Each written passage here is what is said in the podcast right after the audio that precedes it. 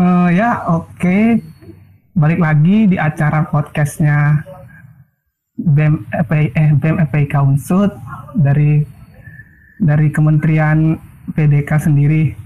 Uh, ya mungkin di sini aku akan bawa jalannya acara podcast pada hari ini. Sebelumnya perkenalkan nama aku Chandra Obed Gumanurung. Biasa teman-teman bisa manggil aku dengan nama Obed biar lebih akrab aja gitu. Uh, dan di sini ada beberapa teman uh, aku sendiri dari Kementerian PDK yaitu ada Asipa, Siva dan uh, Fami sendiri. Ya sebelumnya uh, dari para pendengar nanti mungkin mau tahu deh nama nama lengkap kakak Kak Alif ini nama lengkapnya siapa sih gitu? Kalau teman-teman uh, eh, FPK dan siapa pun yang mendengarkan podcast nama nama gue Alif Yuda Putra. Jadi uh, bisa dipanggil Alif atau uh, orang biasa memanggilnya Alif sih. Aku uh, aku lagi tadi gua aku ya gua dari jurusan fisika 2016. Alhamdulillah uh, baru lulus kemarin Oi. Uh, ya kan uh, kali ini kita kan akan membahas temanya tentang KTI ini kak. Uh, menurut eh bukan deh bukan menurut uh, arti dari KTI sendiri itu apa sih kak uh, menurut kakak? Kalau arti dari KTI sendiri gitu ya. Ya. Sebenarnya kalau KTI sendiri sebenarnya teman-teman teman-teman di kampus gitu teman-teman yang udah jadi mahasiswa sebenarnya KTI itu bukan barang yang asing lagi gitu, bukan sesuatu yang uh, baru gitu. Tapi ketika mas menjadi mahasiswa gitu, KTI itu udah udah menjadi sahabat kita gitu dari dari kita membuat laporan, apalagi yang kita yang sains gitu. Uh, terusnya juga dari kita membuat nanti karya tulis uh, kayak makalah dan lain-lain itu kan juga sebagai bagian dari mahasiswa gitu. Jadi menurut aku sendiri gitu, KTI itu sebenarnya uh, suatu karangan gitu yang kita buat berdasarkan ilmu pengetahuan dan kata kuncinya adalah sesuai dengan fakta gitu atau menampilkan fakta. Nah, dan terkhususnya lagi KTI itu juga uh, pasti identik dengan metodologi penulisan yang baik dan benar gitu. Jadi nggak asal-asalan. Nah kayak gitu. Jadi sebenarnya kalau misalkan aku cerita sebelum KTI itu sebenarnya uh, kita harusnya mengenal menulis dulu gitu, tulisan dulu gitu. Kalau tulisan kan ada dibagi dua dan KTI itu adalah salah satunya gitu. Jadi kalau tulisan itu bisa dibagi menjadi dua yaitu academic uh, writing atau eh, dan uh, eh, non academic writing gitu. Nah, KTI ini termasuk di dalam uh, academic writing kayak gitu. Hmm, tapi ya kak, dari yang banyak aku dengar dari teman-teman yang di luar sana itu, ih, tapi buat uh, pembuatan KTI ini susah. Tapi dari kakak sendiri menanggapinya itu gimana sih kak? Buat KTI susah uh, sebenarnya susah itu relatif ya maksudnya ketika kita udah dipaksakan gitu. Sebenarnya kita bisa kan kita bikin laporan dari dari kita baru masuk menjadi mahasiswa kita udah membuat laporan gitu. Terus itu yang ngajarin siapa? Kan kita uh, pasti uh, selalu selalu bisa by accident gitu.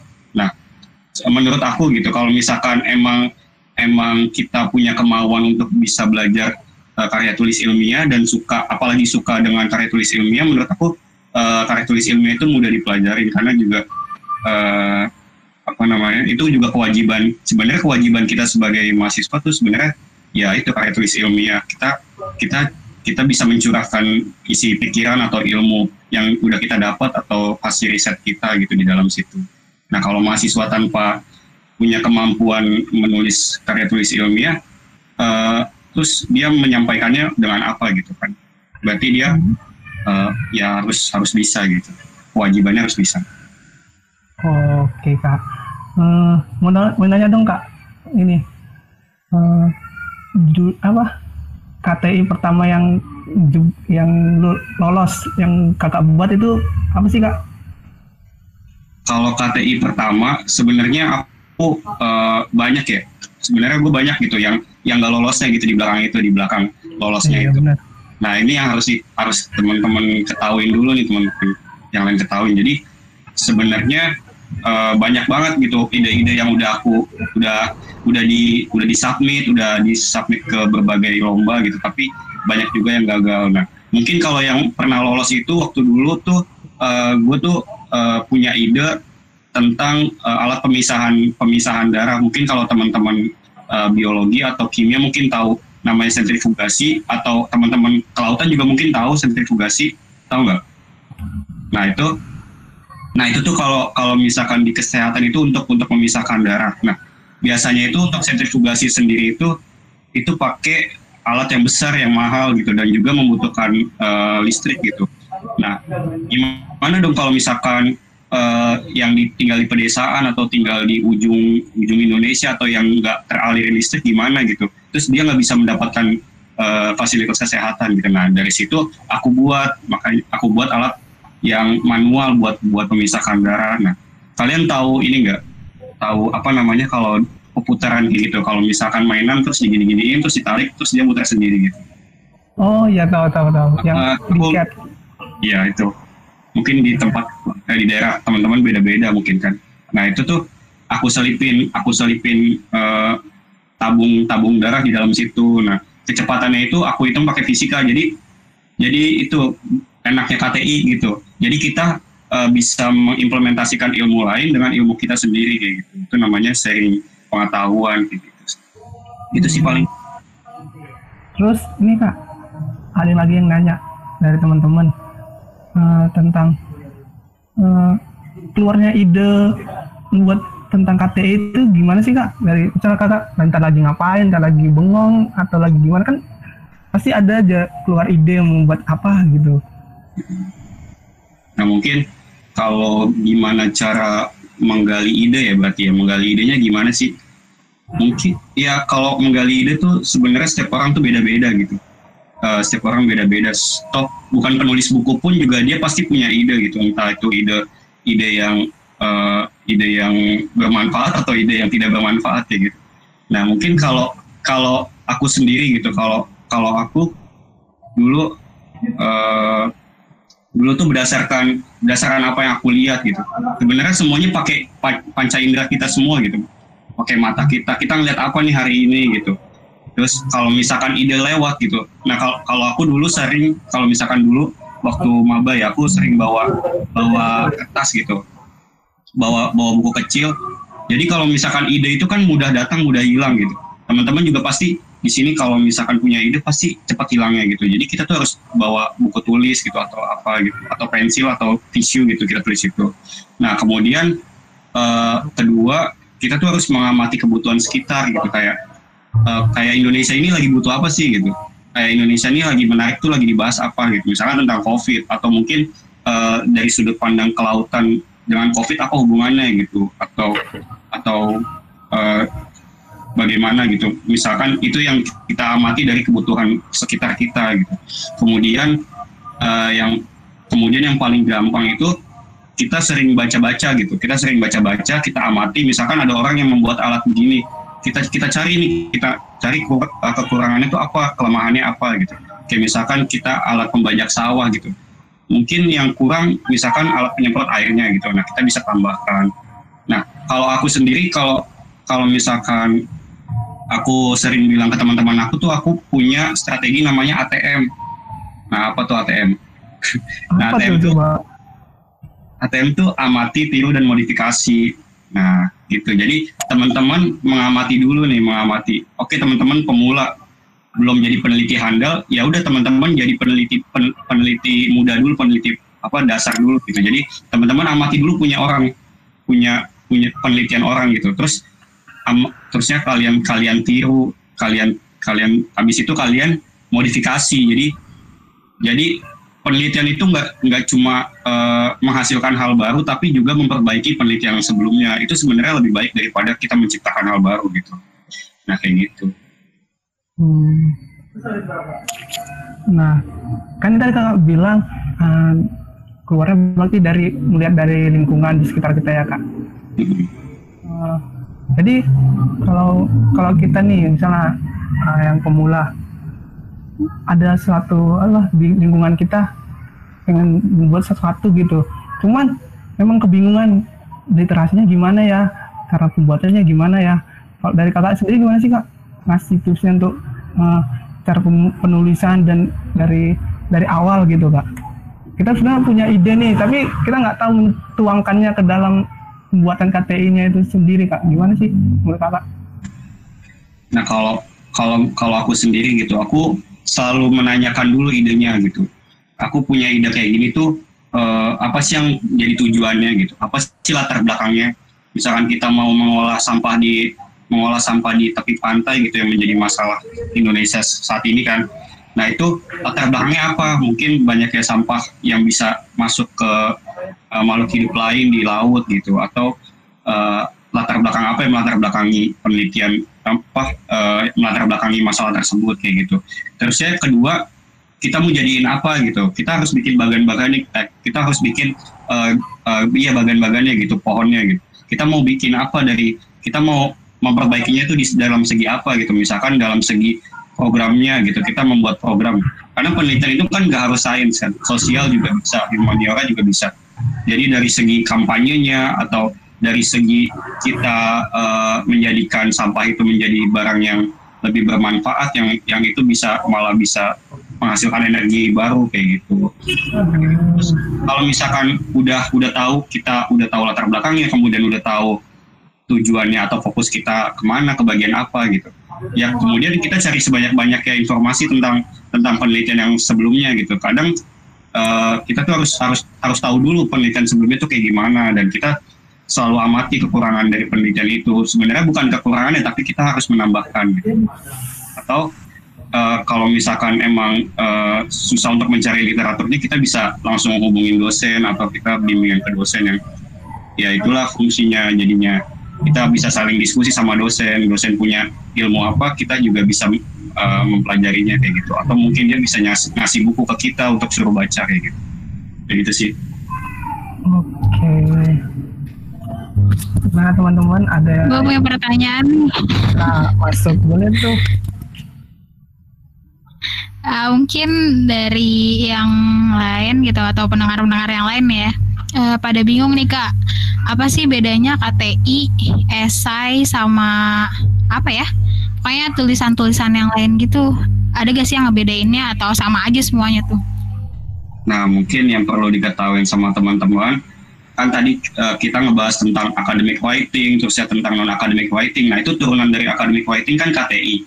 Nah KTI itu sebenarnya induknya gitu. Jadi KTI itu terdiri dari esai, terusnya ada paper, terusnya ada makalah, ada skripsi, tesis disertasi, terusnya ada lagi uh, apa lagi?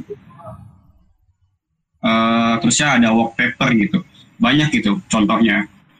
Nah, itu semua uh, eh, KTI gitu, KTI. Jadi kita tuh eh, nggak uh, bisa bilang KTI itu yang biasa yang biasa ada pendahuluan, terusnya metode penelitian, tinjauan pustaka, tapi esai aja atau artikel mungkin artikel yang kita tulis secara bebas uh, dengan metodologi yang yang sesuai ya itu itu juga termasuk KTI karya tulis ilmiah kayak gitu. Nah yang ngebedainnya apa? Uh, yang ngebedainnya kalau misalkan kayak artikel ya kalau artikel itu tuh lebih ke opini penulis gitu tentang permasalahan yang diangkat gitu. Jadi uh, opininya tuh bukan bukan subjektif tapi tapi berdasarkan penelitian kayak gitu. Misalkan teman-teman pernah ngelihat uh, artikel-artikel ilmiah atau artikel populer gitu tentang misalkan tentang terkait yang biasanya tuh ada di majalah atau di blog itu biasanya artikel kayak gitu yang yang itu penelitiannya berdasarkan berdasarkan berdasarkan teori yang udah ada kayak gitu dan dikupas apa dibungkusnya dengan uh, populer gitu atau bisa dibaca dengan hal lain apa orang yang awam gitu. Kemudian kalau makalah sendiri itu uh, lebih kayak uh, kayak ada pendahuluannya, terusnya ada ada apa namanya? ada datanya, ada pembahasannya, terusnya ada ada pertanyaannya, tujuan dan manfaatnya kayak gitu. Terus kalau skripsi dan tesis disertasi itu itu biasanya kan lebih dalam lagi gitu, lebih penelitian itu lebih luas lagi dibanding makalah yang cuma hanya satu fokus gitu. Dan kalau paper tuh yang biasa dilombakan tuh yang full paper gitu, yang biasa dilombakan di banyak lomba tuh itu namanya paper tuh. Itu hampir sama kayak skripsi, cuma bedanya uh, lebih sederhana aja gitu, lebih lebih sederhana dan lebih uh, lebih lebih harus tujuannya itu untuk dibaca semua orang yang bukan hanya keahlian kita doang kayak gitu. Karena kan nanti ketika lomba atau ketika penelitian itu bukan hanya dosen dosen-dosen yang ahli di bidang itu doang tapi dosen-dosen di bidang lain kayak gitu.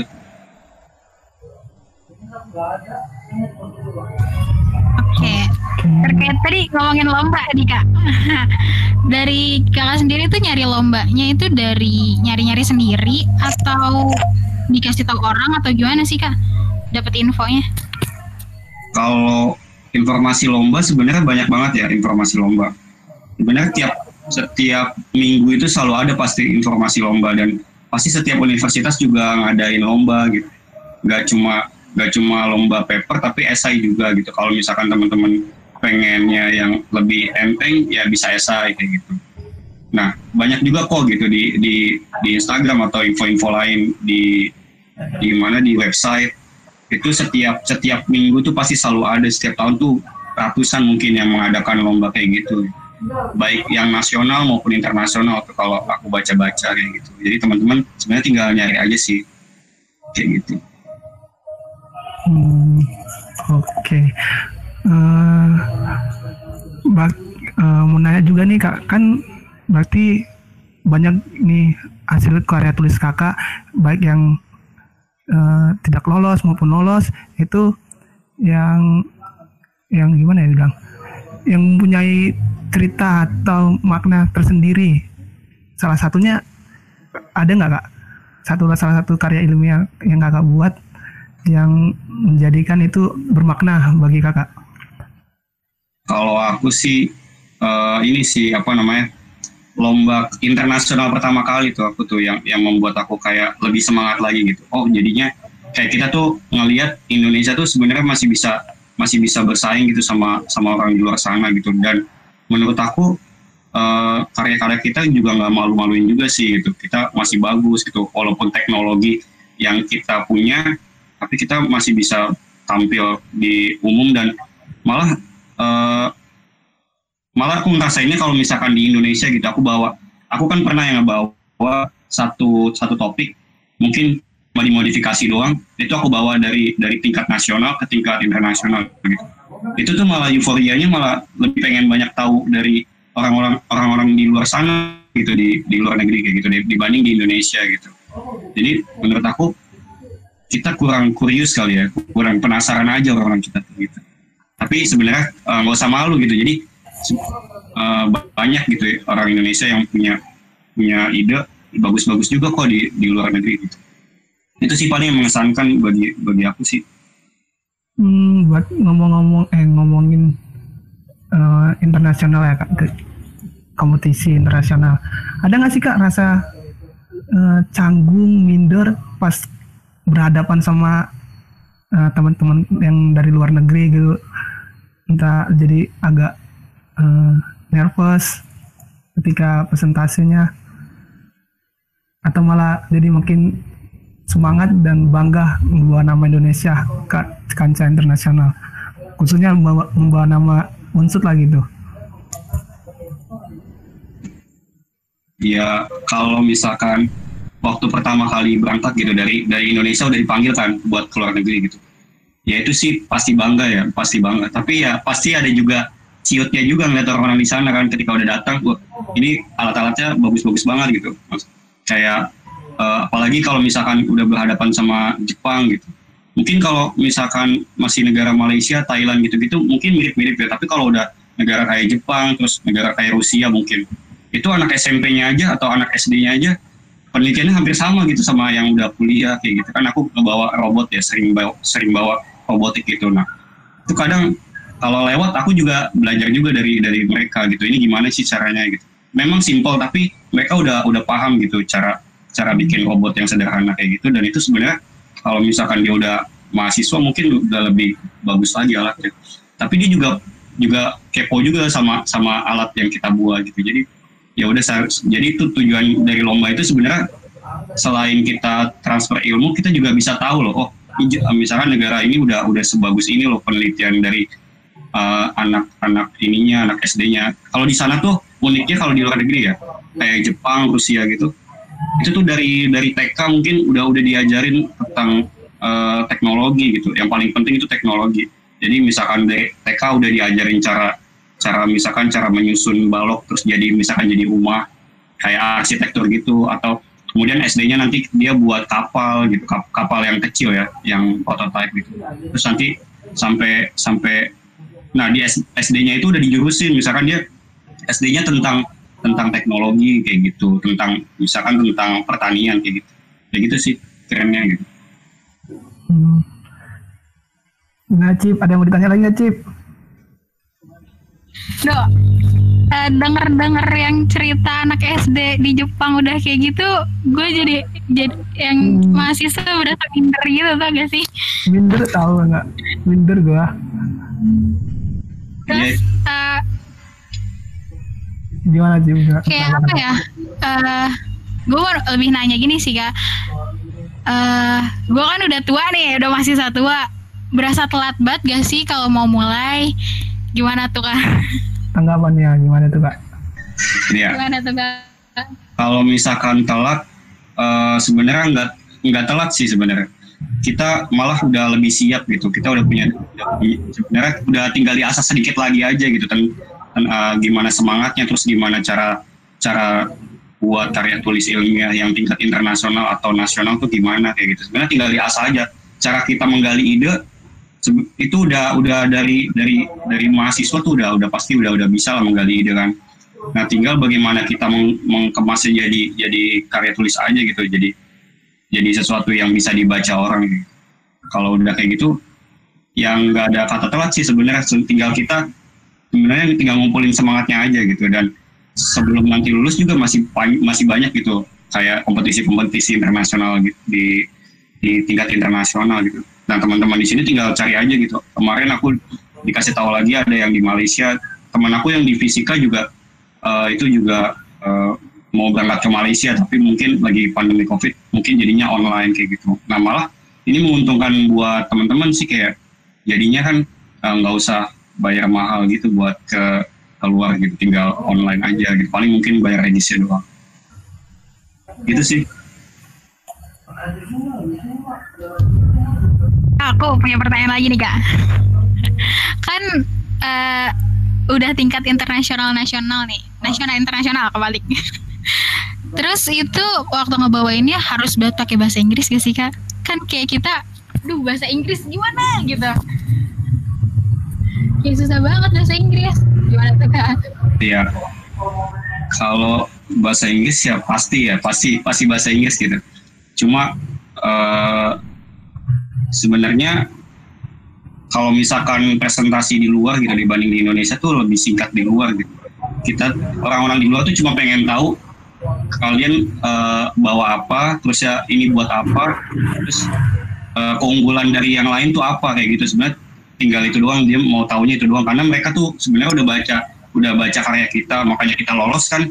Tinggal dia tuh tinggal ngeliat doang gitu. Oh ini alatnya begini misalkan atau produknya gini, gini. Atau risetnya sebenarnya kayak gini nih grafik-grafiknya gitu. Atau hasil-hasilnya seperti ini kayak gitu.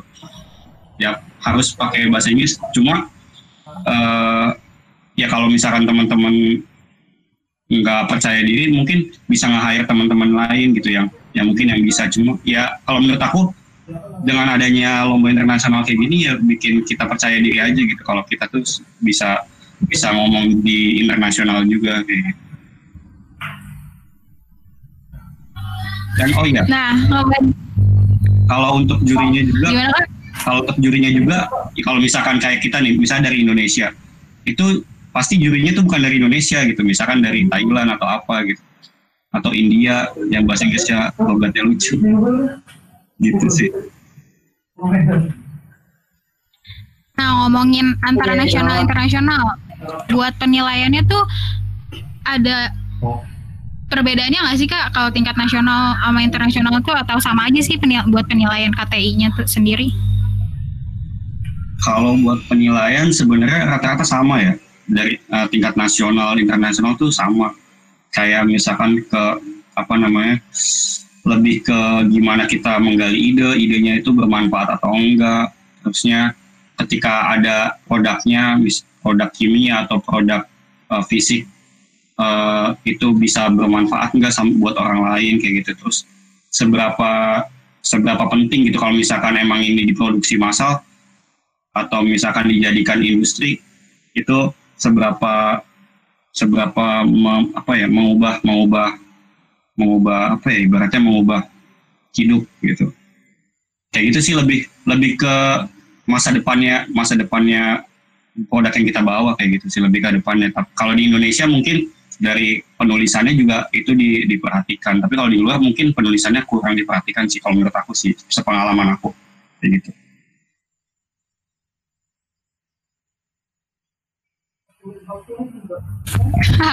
dari oke okay, kak thank you. Dari tadi kita ngomongin uh, internasional eh, nasional internasional. Kita belum tahu nih uh, KTI KTI kakak yang udah pernah go internasional dan nasional tuh yang mana aja sih kak? Mungkin bisa disebutin tuh atau disebutin nama kita kita aja. Oh, udah tahu. Ya mungkin bisa disebutin kakaknya kali ya. Untuk para pendengar biar bisa makin terpacu untuk menulis memotivasi, ya. memotivasi ya. Produk produknya atau apa nih? Atau lombanya nama lombanya? Uh, hasil lomba yang pernah diikutin gitu nggak saya pernah mendapatkan piagam ini di ke, ke apa perlombaan ini gitu. Hmm. oh iya. Kalau misalkan dari nasional dulu ya. Kalau kalau di nasional waktu uh, pertama kali lomba itu aku bukan pertama kali lomba tapi pertama kali lolos itu aku pernah ke uh, Universitas Negeri Makassar. Itu waktu itu yang ada itu himanya fisika di uh, apa namanya di Makassar ya. Nah itu aku dapat juara tiga yang tadinya bawain uh, alat pemisah darah manual itu tuh. Terusnya kedua itu aku uh, tahun 2019 apa ya tahun 2000 2018 tadi 2017 kalau 2018 nya aku uh, lolos lolos ke Malang Universitas Kanjuruhan Malang itu dapat juara dua. Uh, waktu itu aku ngebawain tentang kandang ayam otomatis kayak gitu. Kandang ayam otomatis. Terusnya uh, aku kalau yang internasional itu itu yang nasional aku dua yang gagalnya banyak gitu. Nah ya kalau yang internasional itu yang pertama kali itu di Malaysia di Kuala Lumpur. Dulu itu ngadainnya di World Trade Center-nya Amerika WTC, gedung WTC. Itu di di Kuala Lumpur, terus aku dapat uh, silver medal. Produk yang aku bawa sebenarnya yang di internasional ini lebih ke ini lah, lebih ke invention gitu, lebih invention itu ibaratnya hasil produk yang nyata gitu. Nah ini aku ngebawain alat pendeteksi banjir gitu, alat otomatisasi pendeteksi banjir. Nah kan aku tuh uh, ngebayangin gitu kalau negara-negara kayak Malaysia juga pasti punya punya masalah banjir juga gitu. Asia Tenggara semuanya punya masalah banjir. Cuma uh, kita ngebawain hasil dari kita aja gitu. Nah terusnya kedua tahun yang sama kan tadi itu bulan jadi ini tuh kayak 2019 tuh aku kayak bener-bener semangat loh. Nah ini tuh makanya pentingnya kalau lagi semangat terus digas tuh pentingnya gitu. Jadinya dapat gitu momennya. Nah Terus itu tadi bulan Februari aku tuh tadi uh, lagi magang tuh tadinya lagi internship. Terus aku mutusin buat lomba biar cepat selesai aja biar ada alasan cepat selesai gitu. Pengen cepat selesai magang terus lomba. Nah itu bulan Februari aku lomba di Malaysia. Kemudian aku uh, dapat dapat apa ya? Dapat lolos lagi gitu, lolos di Jakarta. Jakarta juga internasional itu. Jakarta internasional. Terus tingkatnya itu benar-benar uh, semua semua negara ada di situ. Kayak Arab Saudi pun ada waktu itu terus ada negara apa lagi ya? Dubai. Dia juga mantap juga itu kayaknya timur tengah yang paling mantap Dubai. Nah oh Dubai. UAE kok Dubai? Iya bener ya? Nah itu. Itu di Jakarta aku dapat silver medal lagi. Kalau silver medal itu juara juara dua ya? Juara dua. Kemudian uh, itu alat yang sama. Itu alat yang sama masih masih alat banjir gitu. Cuma aku modifikasiin kayak hasil-hasil dari juri itu kan komenin waktu di Malaysia aku ubah lagi di Jakarta kayak gitu buat Jakarta kayak gitu. Terus 2019 juga itu tadi bulan kalau nggak salah bulan Juli apa ya? Bulan Julinya aku di Jakarta terusnya bulan Novembernya aku uh, ke Singapura lolos ke Singapura. Nah di Singapura itu itu aku di apa ya universitas apa ya namanya? Aku lupa yang paling bagus apa ya di situ ya universitas ya? Aku lupa tuh. Singapura. Oh ya NTU Nasional eh bukan. Iya kali ya NTU ya. Oh ya Nanyang. Nanyang Teknologi University itu nomor satu di nomor satu di Asia Tenggara. Eh di Asia apa di Asia Tenggara ya? Di Asia ya. Nah itu bareng sama anak-anak NTU nah itu aku ini kan uh, ngelihatnya itu lebih lebih ciut lagi. Nah itu aku uh, ngebawain yang sama tapi dimodifikasi lagi gitu. Dari hasil dari hasil juri yang di Jakarta bawa aku betulin lagi aku pinahin lagi aku tambahin lagi terus dibawa ke Singapura terus dapat juara dua lagi gitu. Dapat silver lagi dapat silver.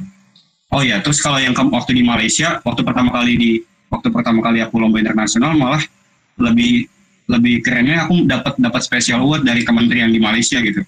Dapat special award terusnya uh, terusnya dap terusnya apa ya diajakin kerjasama tadinya diajakin kerjasama di di sana gitu kerjasama di sana terusnya pulang dari pulang dari Malaysia tuh aku di diwawancarain sama Kompas eh bukan Kompas tapi Tribun ya Tribun Jawa Tengah gitu. Nah ad, uh, gitu deh. Terus ya akhirnya dari semua dari semua lomba-lomba itu ngebawa alhamdulillah ngebawa aku tuh dapat unsur award Nah sebenarnya support ini jarang dikasih ke mahasiswa, itu sebenarnya dikasihnya ke dosen. Nah tapi untuk tahun ini ada juga buat mahasiswanya. Nah itu yang dapat tuh aku sama tim-tim aku kayak gitu. Kayak gitu sih lomba-lomba. Tapi itu banyak banget yang gagalnya itu banyak banget lebih dari mungkin lebih dari 10-20 lah. 10 tapi, sampai 20. Iya, tapi sih itu keren parah banget. Keren, keren, keren bah banget itu yeah. Satu tahun tiga kali. Satu tahun tiga kali. Emang harus uh, ya mungkin nah nih. Apa cip? Aku mau nanya lagi nih. Tadi kan dibilangnya ada yang berhasil ada yang gagal. Nah selama nggak berhasil itu tuh kak kayak ada kan kadang kalau misalnya nggak berhasil tuh kayak ngedon terus mikirin gimana gitu ya terus stuck gitu ide-idenya. Mungkin gimana sih kak supaya bisa ayo bangun lagi ayo semangat lagi lu pasti bisa lu pasti bisa gitu. Buat memotivasi dirinya tuh gimana sih kak? Oh, kalau buat motivasi ya gimana motivasinya gitu. Setiap orang tuh motivasinya beda-beda ya. Kalau aku dulu tuh pengennya tuh jalan-jalan gitu. Jadi teman-teman punya motivasi apa dulu? Jalan-jalan kah atau dapat duit kah aku dua itu sebenarnya jalan-jalan dapat duit. Sebenarnya aku nggak penting lombanya gitu. Mau menang mau kalah kan dapat duit gitu dari dari kampus. Ntar kalau misalkan kita menang alhamdulillah menang kan itu bonus lah ibarat. Ya udah jadi dapat duit dapatkan dana dari kampus terus bisa jalan-jalan. Dan ya udah itu yang bikin aku semangat. Nah, kalau misalkan kita gimana cara bikinnya ya caranya kita lihat dulu peluangnya. Oh mungkin uh, kita ngasih ide begini kurang diminatin gitu. Atau misalkan penulisan kita uh, kurang tepat gitu buat mis kalau buat buat apa namanya buat kompetisi di sini gitu. Atau juga saingan kita yang lebih berat gitu. Aku lebih lebih gitu sih banyak kayak gitu. Terus itu bikin bikin aku tambah semangat gitu. Nah kayak gitu sih lebih gitu. Tapi paling penting adalah jalan-jalan yang penting masih jalan-jalan sama uang tuh menggiurkan Motiv sekali sih. Motivasinya bagus banget ya emang ya. Ya itu. oh ya ini mungkin. Ibaratnya tuh. Ini kak. Hmm, mungkin ini yang terakhir deh. Hmm, sebelum kita tutup. Kata-kata untuk para pendengar yang di luar sana yang yang akan mencoba memulai untuk menulis karya eh, karya tulis ininya. Dari kakak gimana kak? Biar para pendengar sekali yang akan dengar mau tahu kan jadi termotivasi sama eh, kata-kata uh, kakak.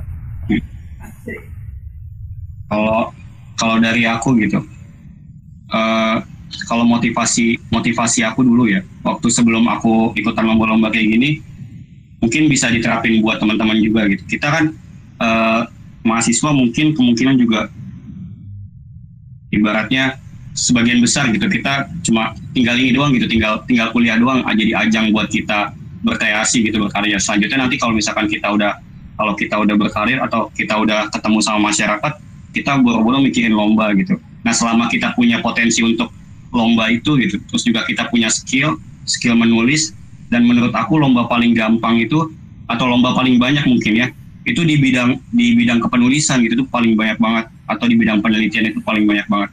Jadi kalau misalkan kayak olahraga itu mungkin bakat ya. Atau misalkan nyanyi kalau misalkan nyanyi itu bakat juga gitu. Tapi kalau kepenulisan itu bisa diasah gitu. Kita setiap hari nulis kita kita chattingan itu menulis gitu.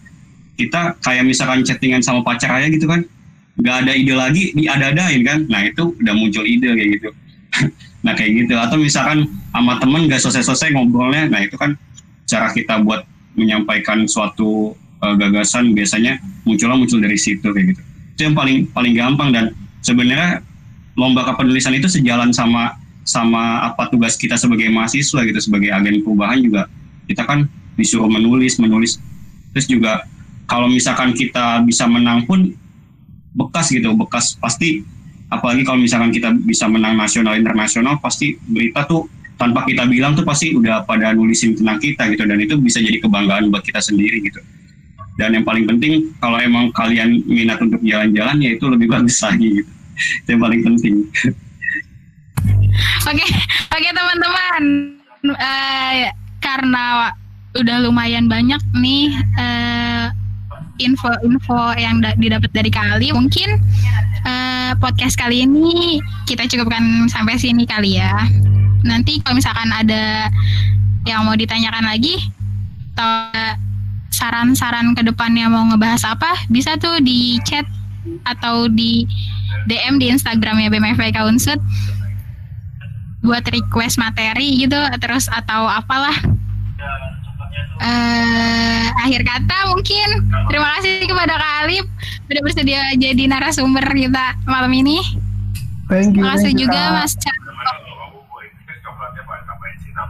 thank you juga Obet udah jadi host malam hari ini. Uh, akhir kata, wassalamualaikum warahmatullahi wabarakatuh. Waalaikumsalam warahmatullahi wabarakatuh. Waalaikumsalam warahmatullahi wabarakatuh.